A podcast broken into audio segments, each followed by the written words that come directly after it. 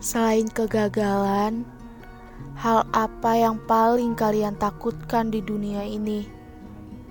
Apakah kehilangan orang lain atau ketakutan kehilangan diri kalian sendiri?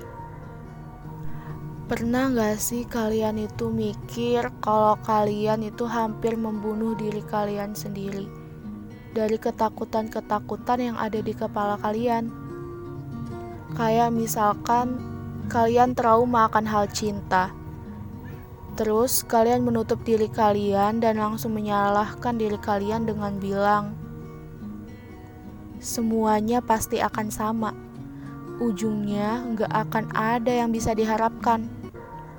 Atau kalian akan bilang kayak gini, Ayolah, dia baik di awalnya aja, lalu ujungnya ya akan sama kayak dulu-dulu. Kalau bosan, dia milih dengan seenaknya aja hilang kalau nggak selingkuh. Tanpa sadar, kamu memukul rata orang lain. Tanpa sadar juga, kamu sudah seperti Tuhan yang seakan-akan kamu sudah tahu segalanya. Padahal, belum tentu semuanya yang ada di kepala akan sama ujungnya. Emang ya, di dunia ini, hal yang paling menakutkan itu adalah kehilangan diri sendiri dan juga tidak bisa memanusiakan diri sendiri. Gara-gara kamu sedih akan satu keadaan, kamu malah sering menyalahkan, atau karena pernah disakiti atau ditinggal seseorang, lagi-lagi kita suka menyalahkan diri sendiri. Bahkan, yang lebih bahayanya lagi, kita bisa hilang kepercayaan diri sendiri. Saya paling malas kalau sudah membahas isi kepala. Rasanya itu kayak tumpukan sampah yang kalau didaur ulang atau dikelola dan juga dijual bisa menghasilkan uang. Harusnya sih seperti itu. Tapi saya pernah di satu waktu tertimbun akan isi kepala sendiri. Bahkan bertahun-tahun terkurung dalam kepala. Kalau kalian jawab kenapa, saya juga nggak tahu jawabannya seperti apa. Satu yang saya tahu, saya pernah kehilangan diri saya sendiri.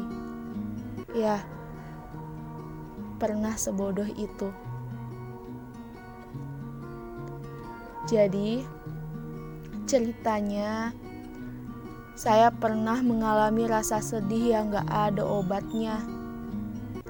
Waktu kecil, saya itu tumbuh menjadi anak nomor satu yang selalu saja diberikan tanggung jawab yang melebihi kapasitas. Karena saya tumbuh sebagai anak pertama, saya sebagai saksi dari kekelaman rumah tangga orang tua saya. Menyaksikan rasa sakit ibu saya ketika kesulitan ekonomi dan juga merasakan sendiri yang namanya kehilangan. Iya, saat itu saya pernah menjadi saksi orang tua saya kehilangan anak keduanya atau adik saya sendiri. Sebagai anak pertama, saya menyaksikan berbagai hal yang sebenarnya itu hal yang gak mau saya rasakan. Rasanya itu kalau boleh saya milih, saya gak akan pernah mau terlahir di dunia. Tapi kalau sudah terlahir dan tumbuh, saya inginnya itu akan selalu menjadi bayi saja kalau bisa memilih ya. Saya ingin menjadi bayi yang belum mengerti ketakutan, kesedihan, dan juga seberapa besarnya perjuangan. Uh, kalau ngebahas tentang masa lalu, juga ngebahas tentang kehidupan, emang gak akan ada habisnya, dan juga gak akan berhenti untuk melownya. Selalu saja dibuat untuk sedih mengingat hal-hal itu. Habisnya, dahulu yang ada di kepala saya, kehidupan itu adalah sepenuhnya tentang kesedihan. Emang benar ya, lebih enak itu kita menjadi orang yang gak tahu apa-apa, bukan menjadi orang yang pura-pura gak tahu apa-apa. Dan Dahulu, saya mencoba untuk menjadi orang yang pura-pura nggak tahu apa-apa. Pura-pura bahagia, pura-pura baik-baik saja, padahal kenapa-napa. Dan saya dulu sulit banget untuk mengungkapkan atau mengatakan bahwa saya kenapa-napa. Jadi, Dulu, bahkan sampai sekarang, saya mengganti kata kenapa-napa menjadi nggak apa-apa. Mantranya itu emang positif bagi orang lain yang mendengarnya, tapi untuk orang yang mengucapkannya, itu maknanya itu benar-benar benar-benar kenapa-napa, benar-benar sedih, ataupun benar-benar dia nggak bisa mengucapkan lagi apa yang dia rasakan. Oke, okay, ya udah deh. Kita balik lagi ke jalan cerita jadi, intinya itu singkat cerita, kehidupan saya dipenuhi dengan lika-liku, naik turun, asam pahit, dan juga sedih yang melebihi takarannya, bahagia yang menjadi harapan saya. Dulu, kala itu yang ada di kepala saya bahwa kehidupan itu sepenuhnya diisi dengan ketakutan, kesedihan, kegagalan, dan juga kehilangan. Bagi saya, dulu tidak ada yang namanya kebahagiaan. Jadi, setiap kali saya ada sesuatu, saya selalu saja menolak dengan kata-kata yang ada di kepala seperti ini. Udah deh, ujungnya akan sama semesta memang gak mengizinkan manusia untuk bahagia. Bayangkan, dahulu saya benar-benar menolak kata bahagia. Karena saya udah gak sepercaya itu dengan jalan cerita. Oke, anggap aja dulu saya benar-benar berdosa akan tidak percayanya jalan semesta. Saya dulu suka sekali berburuk sangka dengan jalan cerita yang kita pun gak tahu gimana ujungnya. Juga selalu menyalahkan diri sendiri yang gak punya daya dan upaya. Kalau udah kayak gitu sih bahaya. Bukan cuman kehilangan percaya saja dengan jalan ceritanya semesta, tapi kita juga hilang percaya akan diri kita sendiri. Menurut saya, hal seperti itu adalah hal yang paling melebihi sedih dari kegagalan.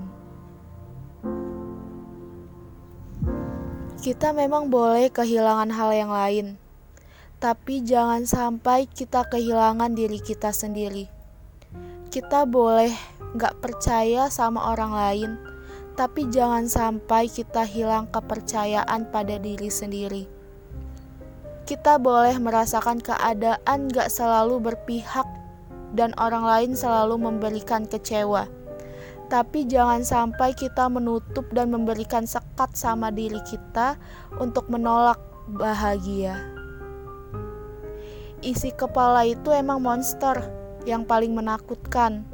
Isi hati yang dipenuhi masa lalu juga kenangan yang menyedihkan dan kehilangan seseorang kadang membuat kita nggak pernah memanusiakan diri kita sendiri.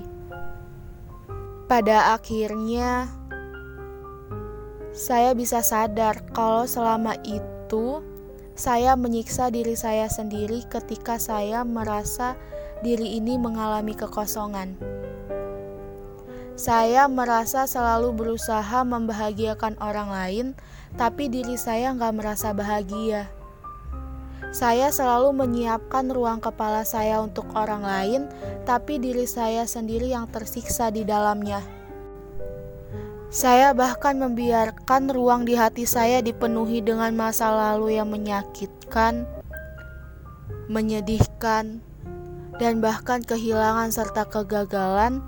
Tapi saya nggak pernah kasih satu ruang pun dalam diri saya yang namanya kebahagiaan.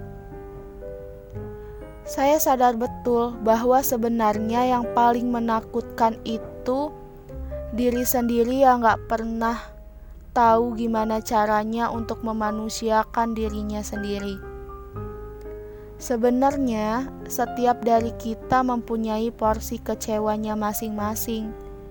Namun, untuk kebahagiaan diri sendiri nggak layak untuk memberikan seberapa besar takarannya.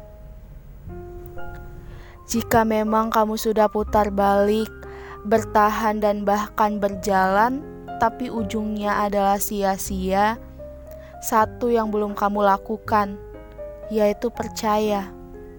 Percaya bahwa semesta tidak akan pernah ingkar janji, apalagi pura-pura untuk tuli. Oh iya, ketika kamu lagi di titik terendah, coba deh selalu ingat mantra ini. Begini mantranya. Tidak semua hal yang kamu perjuangkan harus ada balasan. Tidak semua yang kamu pikirkan bisa langsung diselesaikan.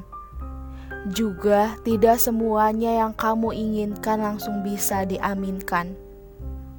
Jadi, pelan-pelan aja ya, semua ada gilirannya. Setiap orang berhak untuk merasakan bahagia. Dan setiap yang kecewa pasti akan ada porsinya.